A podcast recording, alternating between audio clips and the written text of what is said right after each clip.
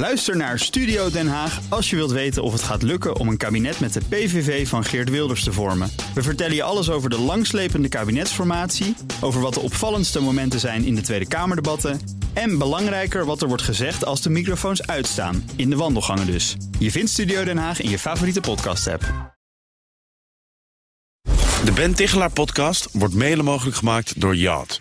Pushing Horizons.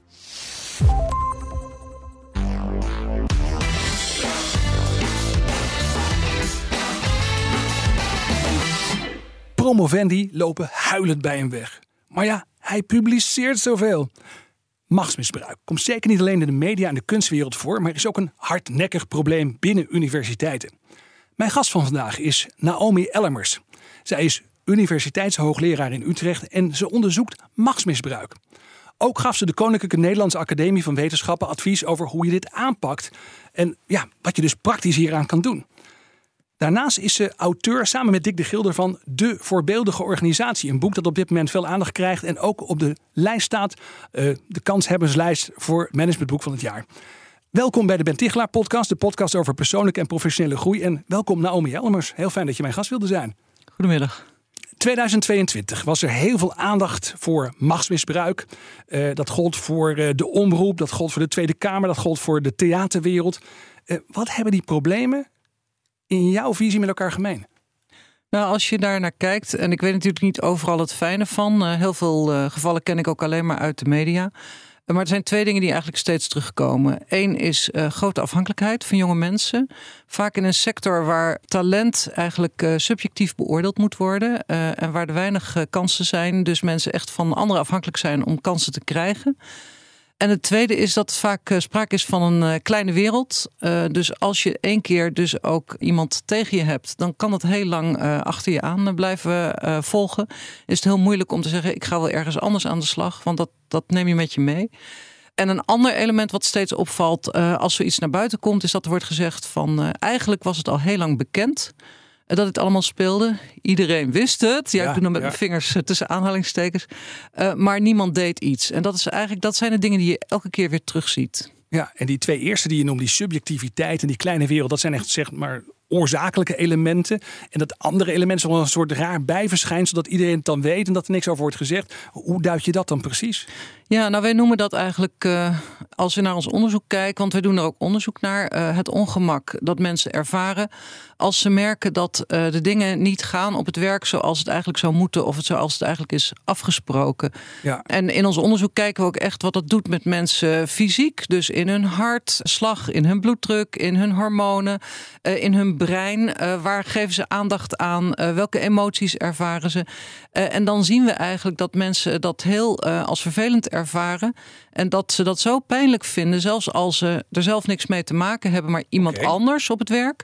Kan ze dus ook persoonlijk, eh, ook fysiek net zo raken dat ze zich daar geen raad mee weten. En dat ze daar dus maar liever van wegkijken dan dat ze proberen om dat op te lossen. En misschien ook wel weer opnieuw omdat subjectiviteit nu eenmaal zo'n belangrijke rol speelt. Omdat het zo'n klein wereldje is waarbij je denkt, ik ga maar niet in de pot roeren, want dan gaat het misschien ook mis met mijn loopbaan. Ja, nou dat is dan uh, de overweging die je vaak ziet. Dat is dan een vaak toch een soort rationele uh, reden. Ja. Uh, maar wat we in ons onderzoek belangrijk vinden om te benadrukken... is dat het ook heel vaak emotioneel is voor mensen. Okay. En dat ze daar ook echt wel mee zitten. Dus het idee van blijkbaar vond niemand het erg... dat zien we eigenlijk niet terug. Want mensen zijn er juist heel erg door geraakt. Maar vinden dat zo pijnlijk dat ze daar gewoon ja, niet zo goed raad mee weten. Dus als ik je goed begrijp, is eigenlijk het meest normale, het meest gebruikelijke dat zo is. Dus de doofpot gewoon maar ingaat. Of dat er gewoon niet veel over wordt gesproken. Toch is dat de laatste tijd veranderd. Er wordt meer, meer over gesproken, het komt naar buiten. Hoe duid je dat dan precies? Ja, er zijn een aantal, ook een aantal ontwikkelingen natuurlijk langzamerhand eh, in de samenleving. Eh, dat ook steeds meer dingen naar buiten komen. Dat ook steeds meer mensen zeggen van nou, dit kan toch eigenlijk niet meer. Wat je ziet is dat ook slachtoffers of mensen die het mee hebben gemaakt, die hebben de hoop dat er nu wel een keer iets aan gebeurt. Dus die gaan nu ook vaker melden. Dus sommige mensen zeggen van ja, nu ineens komt het allemaal naar boven. Maar dat is natuurlijk iets wat al eerder naar boven kwam. Maar dat mensen zeggen van ja, nu heeft het pas zin om dat te melden. Um, dus dat is een element. En een ander element misschien ook, in sommige gevallen zie je dat terug, is dat er uh, senior vrouwen op leidinggevende functies zijn of uh, eindverantwoordelijke zijn. Uh, die soms zeggen van, uh, niet altijd natuurlijk, maar die soms dan zeggen van, uh, ja, toen ik jong was, toen is me dit ook overkomen. En ja, ik heb het allemaal wel achtergelaten, maar het was toen eigenlijk ook al niet in orde. Ja. Maar nu ben ik in de positie om daar iets aan te veranderen. Ja. ja, en dan toch, als ik ook naar een beetje naar de feiten kijk, ook de voorbereiding zeg maar, voor dit gesprek, zag ik dat bijvoorbeeld bij de theaterschool in Amsterdam, dat in 2015 al allerlei dingen speelden. Hè? Ja. Dus dat is toch alweer ja, acht jaar geleden bijna. Ja. Dus eh, het gaat allemaal niet zo heel snel. Want daarna kwam nog zeg maar, de hele affaire met Harvey Weinstein, eh, de MeToo-beweging. Dus er moet blijkbaar een hele hoop gebeuren voordat mensen toch echt het ja, bespreekbaar durven te maken, of in ieder geval ermee naar buiten komen. Nou, het heeft voor mijn gevoel ook te maken met eh, de manier waarop we er meestal tegenaan kijken. En dat noem ik een beetje de juridische benadering. Ja, Ehm, er wordt heel vaak gedacht van eh, voordat we iets kunnen doen, moeten we heel veel bewijs hebben. Nou, juist bij die subjectiviteit of als het gaat over seksueel grensoverschrijdend gedrag, eh, dan is het vaak heel moeilijk om dat bewijs te krijgen. Wat je vaak ziet is dat in zo'n procedure van bewijs verzamelen, dat duurt vaak lang. Er wordt ook gevraagd, bijvoorbeeld aan een slachtoffer, van ja, eh, heb je het niet zelf eh, je eigen schuld, heb je het niet uitgelokt, had je niet eerder aan de bel kunnen trekken? ja. Ehm, dus je ziet vaak dat zoiets lang duurt, dat het voor iedereen een vervelend proces is en dat het ook heel erg op gericht is om één individu de schuld te geven. Nou, dat het dan vaak om één persoon zou moeten gaan. Of dat er een juridische oplossing moet komen. Ja. Daar zeggen jullie eigenlijk van, nou, dat moet heel anders. Daar gaan we straks nog even over spreken. Over hoe dat dan precies wel moet worden aangepakt. Ja. Want we hebben het nu vooral, eh, tenminste ik had het vooral tot nu toe over media. Over eh, de theaterwereld heb ik even genoemd. Maar het gebeurt dus ook, en daar wil ik toch even ook de aandacht op richten. Het gebeurt dus ook binnen universiteiten. Ja, tuurlijk. Ja. daar, ja, ja, tuurlijk zeg je. Maar goed, je zou zeggen, daar zitten allemaal verstandige mensen die ook dit soort dingen juist onderzoeken. Ja, nou ja, maar dat is dus een, eh, een misverstand. Hè? Dus dat verstandige mensen, en dat zie je ook soms, eh, zelfs als ik met eh, bestuurders bijvoorbeeld hierover praat, die zijn dan ook bijna een beetje wanhopig. Want die zeggen van, eh, ja, we hebben toch heel duidelijk opgeschreven van wat wel en niet de bedoeling is. Ja, En waarom houden ja. mensen zich daar gewoon niet aan?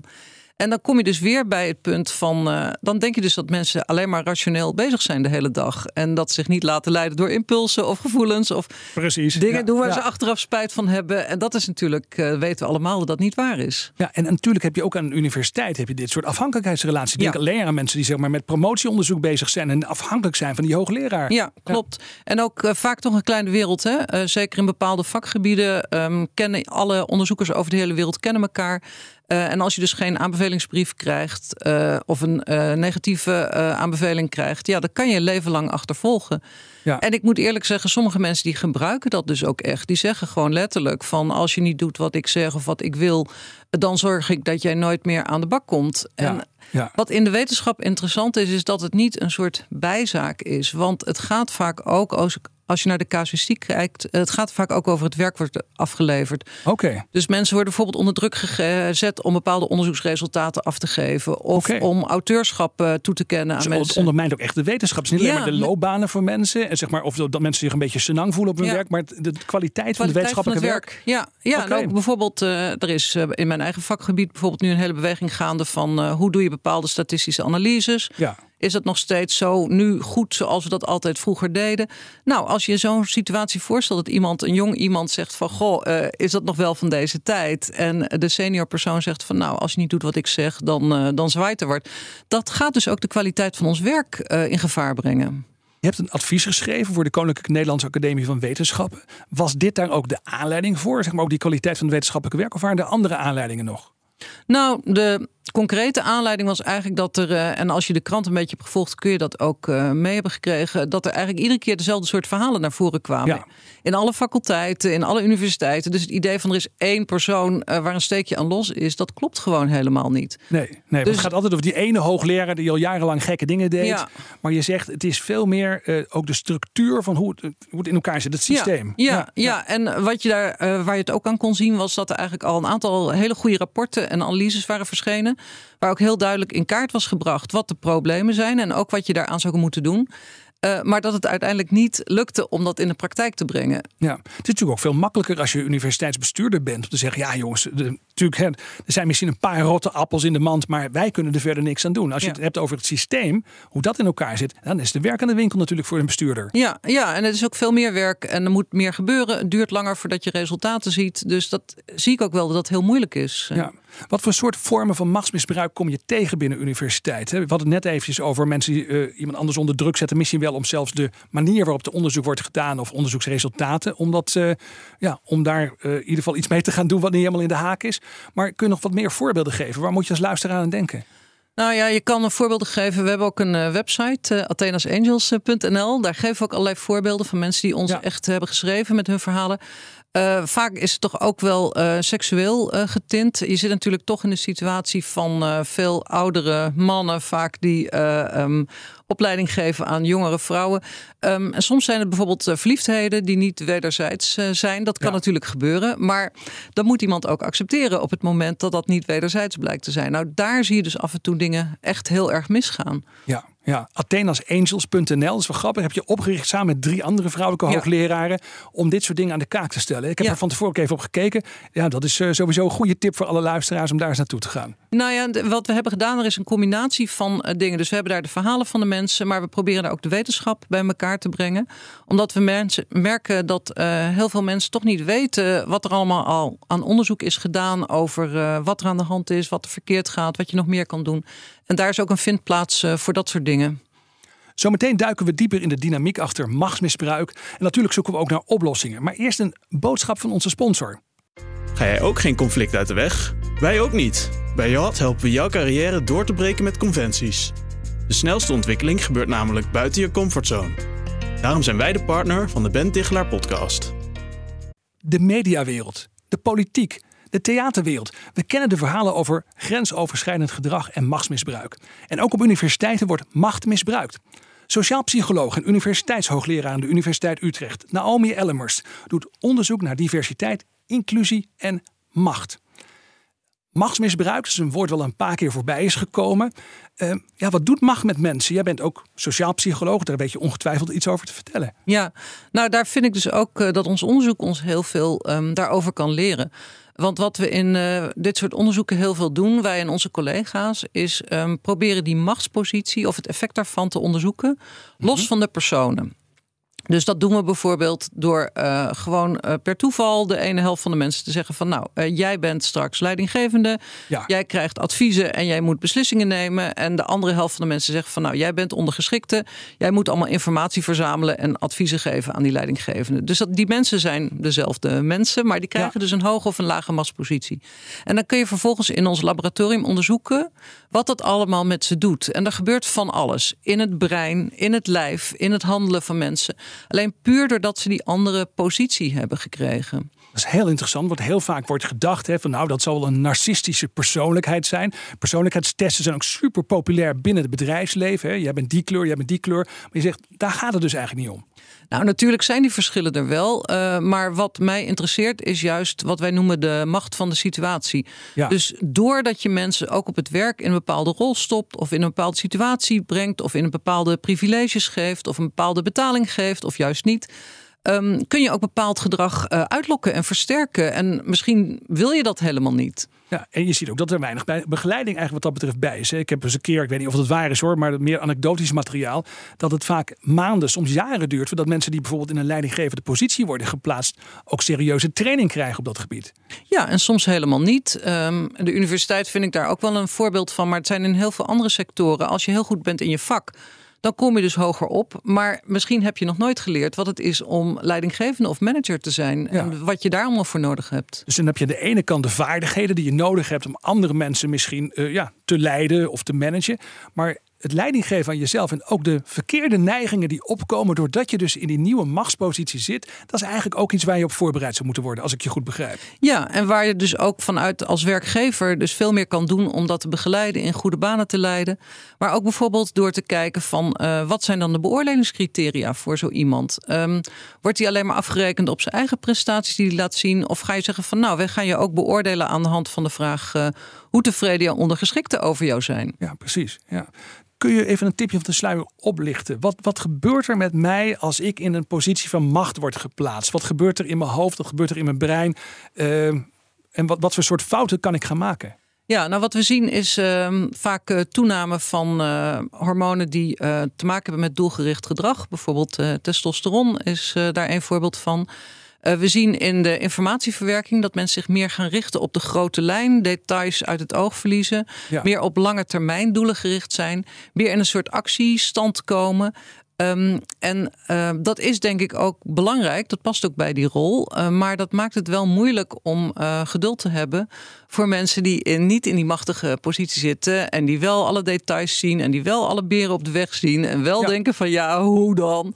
Uh, en daar zie je ook vaak al meteen een soort irritatie ontstaan tussen die twee uh, partijen als ze met elkaar spreken. Ja, dus daar begint het dan mee. Dus als iemand dan allerlei nitty-gritty dingen uh, begint te, te, te, naar voren te brengen over statistische methodes, dat vind je dan misschien al niet leuk. Maar ik hoor natuurlijk ook net het toverwoord testosteron voorbij ja, komen. ja. Ja. dat doet natuurlijk allerlei dingen met, vooral met mannen heb ik altijd begrepen. Ja, nou ook met vrouwen. Want ook al is dat basisniveau hoger of lager, je ziet dus ook fluctuaties in de situatie waar mensen in zitten. Net zoals je ziet dat eh, jonge vaders die veel zorgen meer eh, oxytocine gaan aanmaken. Ja. Oké, nou dat heb ik dan misschien in mijn eigen verleden een beetje kunnen compenseren voor dat testosteron waar je het net over had. Ja. Maar even terug daarnaar. Is dat dan ook zeg maar wat ertoe leidt dat mensen eh, makkelijker driftig worden? Eh, zeg maar gaan schelden op andere mensen om hen heen. Maar ook inderdaad makkelijker seksueel overschrijdend gedrag vertonen? Nou ja, je kan je wel voorstellen van, uh, dat zijn ook bepaalde emoties die geassocieerd zijn met hoge machtsposities en lage machtsposities. Dus hoge Ja. is um, agressie, boosheid, dat zijn andergerichte emoties, noemen we dat. Um, emoties die opkomen als het bereiken van je doelen gefrustreerd wordt.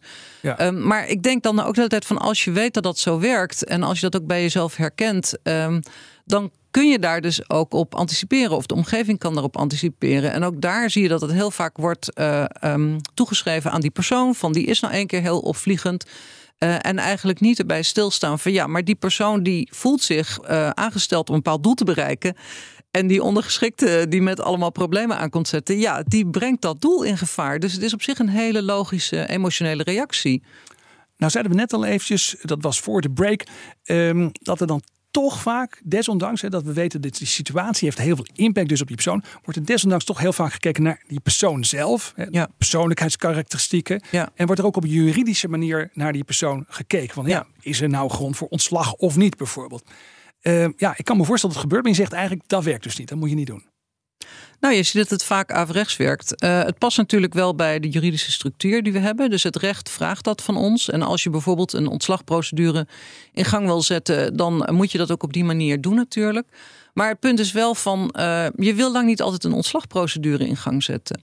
Als ik even terugkijk naar die verhalen bijvoorbeeld op die website van Athena's Angels die we allemaal krijgen. Ja. Er zijn heel veel vrouwen die ons letterlijk schrijven van uh, deze persoon hoeft voor mij niet weg. Ik bewonder deze persoon heel erg om zijn wetenschap. Maar ik wil wel dat iemand dat gedrag corrigeert. Ja. Uh, en daar hebben we nu eigenlijk, um, juridisch gezien zijn er ook de middelen voor. Want je kan iemand een berisping geven of een waarschuwing of een tijdelijk uh, privilege ontnemen of wat dan ook. Maar daar maken we helemaal geen gebruik van. Dus we denken echt in 0 en 1. Ja. Is dat ook omdat we vaak te lang wachten? Ja, ik okay. denk het wel. Ja. En ook dat een omgeving voelt zich dan ook medeplichtig. Uh, want die denken dan van, goh, we hebben dat eigenlijk al die tijd ook gezien en we hebben niks gedaan. Dus als het nu uitkomt, dan hebben wij ook een probleem. Nou, dat maakt het alleen maar moeilijker. Ja, dus je moet ook vooral eerder ingrijpen, als ik het goed begrijp. Wat zijn dan dingen die je kunt doen? Je noemde net berisping bijvoorbeeld. Uh, je kunt inderdaad iemand waarschuwen. Je kunt privileges ontnemen. Is er een soort escalatieladder denkbaar op het gebied van grensoverschrijdend gedrag? Hoe, hoe ziet dat ja, eruit? Ja, die is er. En die kun je ook gewoon uh, omschrijven, juridisch gezien. Um, maar ook daar, want ik heb ik heel veel over gesproken, ook uh, met mensen ook in de aanloop naar dat uh, KNW-rapport. En dat ze dan zeiden van ja, maar hoe kan je nou? Want je moet toch eerst bewijs hebben voordat je iets kan doen. En ik denk van nee, maar je moet veel laagdrempeliger uh, denken. Oké. Okay. Dus als je bijvoorbeeld een keer bij bent of hoort op de gang dat iemand laat schreeuwen. en ook al heb je er niks mee te maken, je kunt natuurlijk best even bij je collega binnenlopen en zeggen van joh. Volgens mij is dit niet de handigste manier om, uh, om je personeel te motiveren. En dat doen we eigenlijk heel weinig. Ja, ja, dus we zouden elkaar eerder moeten aanspreken. Dan moet je dus ook wel een klein beetje weten wat voor soort situaties je dus op zou moeten ingrijpen en hoe je dat dan precies doet. Ik kan me voorstellen dat er ook, nou ja, dat noemen ze het onderwijs geloof ik wel, handelingsverlegenheid. Ja. Dat je eigenlijk niet goed weet hoe je dat moet doen. Nee, hoe, zou, hoe zou je dat zelf aanpakken? Nou ja, ik denk dat je meer moet oefenen met dat soort dingen. En juist moet oefenen op het moment dat het nog niet heel spannend wordt. Uh, ja. Want alles wat je.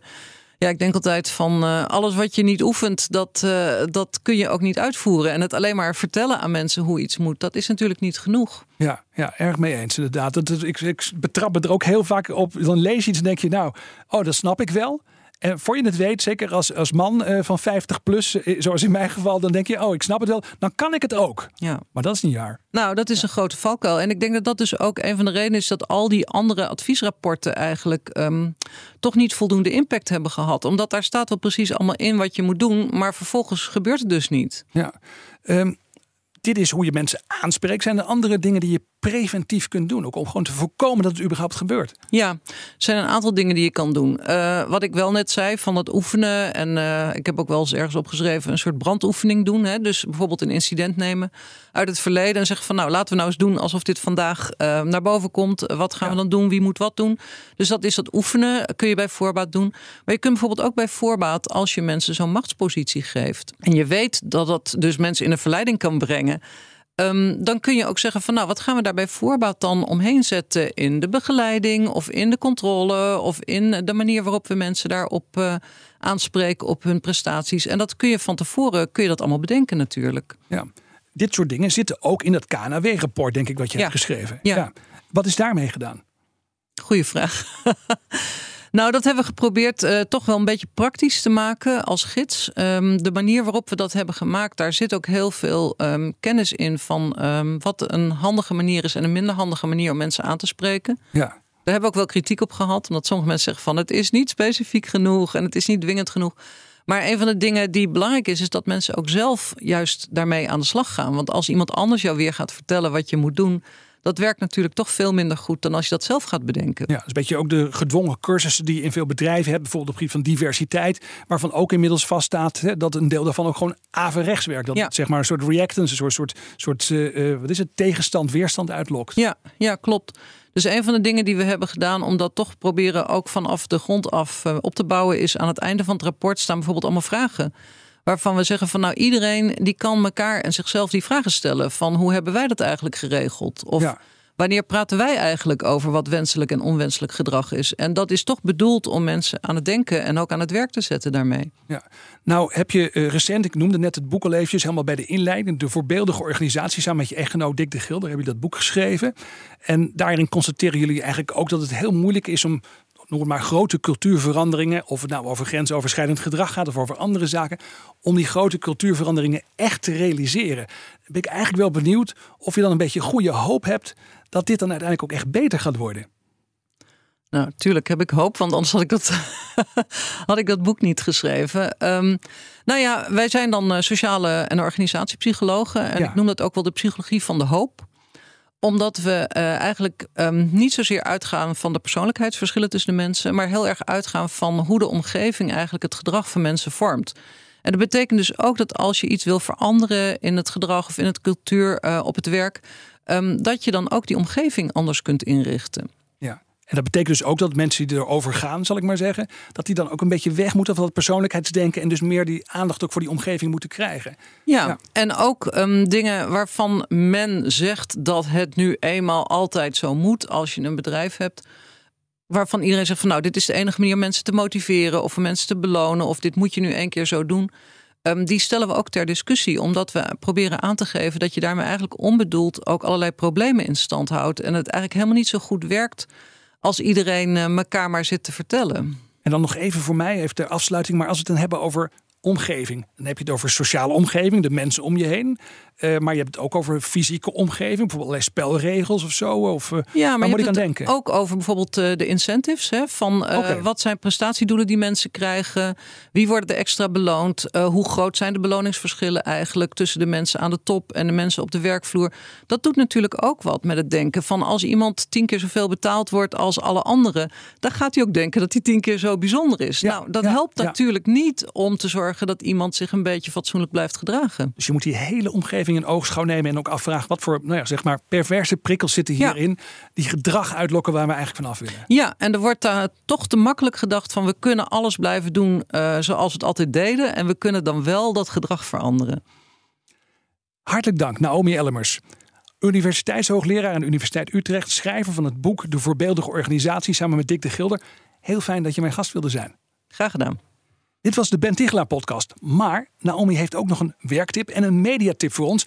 Die tips en alle andere uitzendingen vind je in de podcast app, jouw favoriete podcast app, of op bnr.nl slash Tichelaar. Abonneer je ook op onze podcast en mis geen enkele aflevering. Voor nu, dank voor het luisteren. De Ben Tichelaar podcast wordt mede mogelijk gemaakt door Yacht. Pushing Horizons. Ook Liesbeth Staats vind je in de BNR-app. Ja, heel handig. Luister live naar Kees en mij tijdens de Daily Move. Dan blijf je ook gelijk op de hoogte van breaking news en het laatste zakelijke nieuws. En daar vind je ook alle BNR-podcasts, waaronder de Perestrooikast. Download nu de gratis BNR-app en blijf scherp.